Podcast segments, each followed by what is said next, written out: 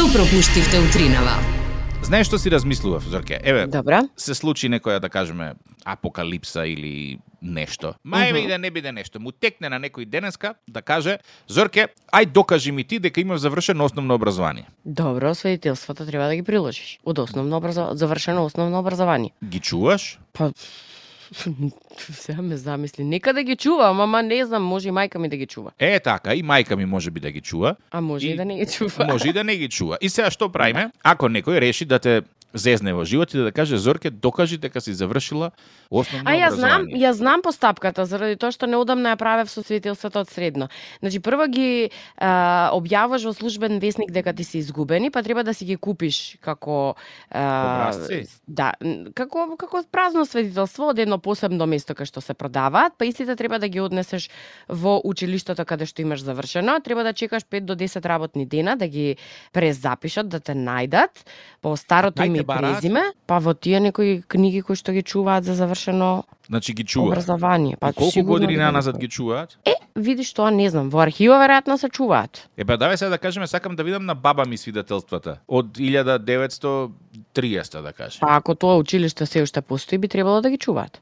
Ти Ама знаеш, со Зорке, големо колку- би требало. Знаеш ти колку хартија, колку книги матични треба да се чуваат од Па 930 до сега, тоа се 100 па години. Да. Па мислиш дека не се чуваат? Па кај завршува тоа ѓубре на крај? Бе, тоа не е ѓубре, тоа мора да се чува веројатно и ќе се чува уште долги, долги, долги, долги години.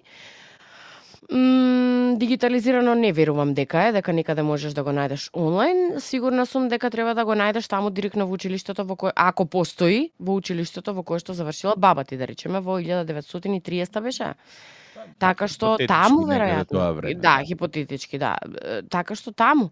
Така да тоа е, е начинот на кој што би можело да дојдеш до уште еден примерок на свидетелствата кој што некогаш некаде си ги изгубил. Ама да се само свидетелствата документи кои што треба да се чуваат. Каде се тука изводи од матична книга на родени, потврда за не дај Боже смрт, сите документи поврзани со развод, е, склучување на брак, здравствени резултати, полиса, листови. Осигурување, тестаменти, хм, На крај, најубаво ќе биде Документи се тоа во да врска со. На картичка. Да, ма не не секогаш е, функционираат тие електронски. Да речеме еве, јас електронски имав може сплатив, не знам нешто требаше да платам. А ти сега бара не ти печат го- на крај. Не, не ти барат печат, ама мораш некако да го приложиш на ливче дека е платено. И сега требаше да си го испринтам. Да, тоа е проблем. Кај Испринтам не изводот. електронски дека парите им се легнати, не знам кака лифче ти да им дека е платено. Па да, заради тоа што ти мислам дека на секоја една уплата имаш, не знам како се викаше бројот, тој некој си број под кој се води нели уплатата твоја и се ти на пример да речеш да имам уплатено под број 1 2 3 7 8 3, разбираш? И да ти рече а да ст- стасана е уплатата кај нас. Не, мора да е испринтано и приложено како доказ. Да, да, за да Дека се закрепи со другото купче листови хартија и да нема Како мрдање тука. уплатница што ја добиваш од банка да речеме. Аме ајде и, и тоа не е проблем. Што е со изводите од банка? Кој изводи од банка? Па Електронски тие ги гледаш. е, да, кој што некаде треба да ги приложиш. Зошто Што е со месечни сметки? Леле, не ми спомнува месечни сметки, значи моите на времето има архива од платени сметки како Ние доказ. Затоа што е, тогаш беше на времето ти докажи дека си платила, не ние да докажеме дека не си платил. Да. а откако почна да. да. функционира електронското плаќање, се плаќаме електронски и тоа е тоа. Нема Ама да еве и јас плаќам добар дел од сметките електронски, меѓутоа кога ќе заврши тоа плаќање се ги принтам за да ги имам како е, доказ. Утре не дај Боже некој да рече а Зорка ти пример Кабловска не си платила. Како не сум платила? Еве кој месец тој месец еве ти дека е платено. Имавме таква ситуација кај што не можевме се докажеме дали е платено или не е платено. Јас за тоа време не сум чувала сметки и од тогаш ми дојде паметот да речам и сега чувам се. Имам една огромна папка онаква специјална можеше за да ги да ги најдеш изводите на интернет. онлайн. Не можеш онлайн. Во тоа време веројатно не сум водила евиденција онлайн. И така сега требаше да го преплатам, го преплатив уште еднаш, а сигурна сум дека е платено и не можеме да се објасниме. И затоа луѓето чуваат се, документи поврзани со земјишта, осигурување, гаранции. Гаранција ја чуваш се додека не истече рокот, нели после тоа можеш слободно да ја фрлиш. Да. На крај кога ќе видиш се давиме во непотребно ѓубре. Во сметки и во ливчиња, Буквално. кои што не Не значат ништо се до моментот дека не ти претребаат. И тогаш многу значат, ако ги немаш, ќе те коштаат мислам дека дупло повеќе. Буквално се давиме во сметки. Тик-так и Зорка сме на Facebook и на Instagram. Телефонскиот број привремено ни е недостапен. Предплатникот не е достапен. Ве молиме. Алиментација Likes This ги гледам сите коментари кои што ги имате на социјалните мрежи, меѓутоа е нека остане тука и документирано, па ќе видиме што и како ќе се ќе се Да, значи, свативме една работа. На човек треба да му речеш немој. И тогаш сигурно ќе направи. Што значи дека немој да не слушате, немој да не лекнувате, никако немој да ни пишувате на Инстаграм и на Фейсбук и немој да станувате наши фанови. Фала. Тик-так Likes This. Заштедата е голема. да, да, да, да. Како Знаеш ќе ги броиме два денари по последач? Не- Уху, не- не само до сега два денари- 12.200 евра до сега, а? Не само два денари последаш, пази го ова. Ти викав заследете не на Инстаграм, заследете не за да може да имаме некаков бенефит од тоа, никој не те следи. Кажи заследете не на Инстаграм, тик-так да плаќа по голема алиментација, 10.000 likes this. Да, значи... Значи, само зло да се нанесе на човек. Значи, ка, како само кажи ми ќе ги формулираме? Два денари последач или три денари последач? Како повеќе ти одговара? Ќе има управен одбор, ќе свикаме, ќе се дискутира. Не дај Боже евро последач да ти дадам, нема да ти се допадне. Па ќе почнеме медиација малку, па едно, друго, трето, за да на крај некако ја завршиме работата и дојдеме до потакуваната цифра која што ќе ги задоволи двете инволвирани страни зорки. Чекај сега многу битна работа. Сега, значи, детево, тоест профилов ние 3 години стар. Кога ќе наполни 6 години, ќе треба да плаќаш и школарство, тоа како се вика, за училишни... Тоа се си влегува под алиментацијата. Молам, немој сега да ми протуруеш вакви работи на... Леле, на- немој да заследувате, ќе ќе го оставам без пари тик-так. Немој да заследувате никако. На тема пари, дали вака некогаш си се запрашал или си, уби- си се убедил да ги прашаш твоите родители колку месечни плати во тоа време им биле потребни за да купат автомобил? Не, ама како мал имав една многу така од сегашна перспектива луда идеја, а, која што беше од прилика вака. Тато, ај продај го 100 кецов и со парите голф да купиме.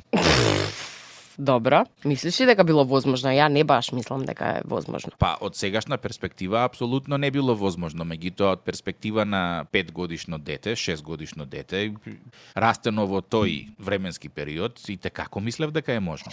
Например, потребни биле во тоа време, сега не можеме точно нели да представиме за која сума се работело а, во денешни пари, меѓутоа од прилика 19 плати биле потребни да тргнеш на страна, тоа ти доаѓа околу година и пол работа, за да можеш да си дозволиш да си купиш во тогашно време пеглица. Види Зорке. пеглица каква беше? Ми текнува малецко, миниатурно. Зошто сега се уште не се вози пеглица? Мислам дека е многу се економично за Сега се вози Fiat 500, еквивалентен модел на Е, ама не е тоа, тоа не е толку винтич. Мислам дека во денешни услови потрошувачката вам била идеална. Види, колку плати рече? 19.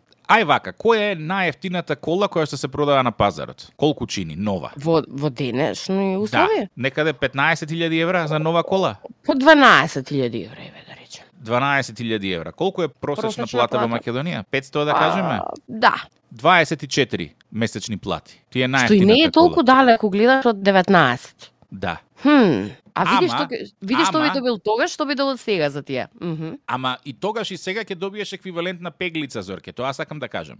Аха, не сакаш да кажеш дека пеглицата само и го менува времето и, и, и дизајнот. Па, да, На некој да. начин. Пеглица беше најефтината кола што можеше да се купи некогаш. И еквивалентно на пеглица е некој, не знам, Спарк, некој, некој малецко, малецко миниатурно возилче кое што кошта толку околу 15.000 евра, да кажеме. Е сега, ако сакаше поголемо тога, се одеше на застава 100 кец, на Југо, на Лада. Леле. Тие со тоа поише пари спачек Москвич. Москвич купува. Е, да се ми Москвича живе леко. Дали знаеш дека Москвича леко и до ден денешен кога ќе ја видам вака на фотографија ми личи на Чичко со мустаки и со Рамбовка Чичко облечена. Кумплунг возеше таква. Со ако не джигерици. лажам, Може во за тоа ми текнува, да, 49-та. да, да, да, да, може за тоа ми текнува. Така да, Зорке, ако земеш да анализираш, тоа воопшто не, би- не биле многу пари, ниту пак се денеска многу пари. Меѓутоа, нас ни растат апетитите. Сакаме джип, сакаме спортско возило, сакаме ваков бренд, онаков бренд. Тоа е тоа. Кола за да те вози од А до Б, се уште постои. На истото место. Да, реално да, и за многу помалку пари можеш да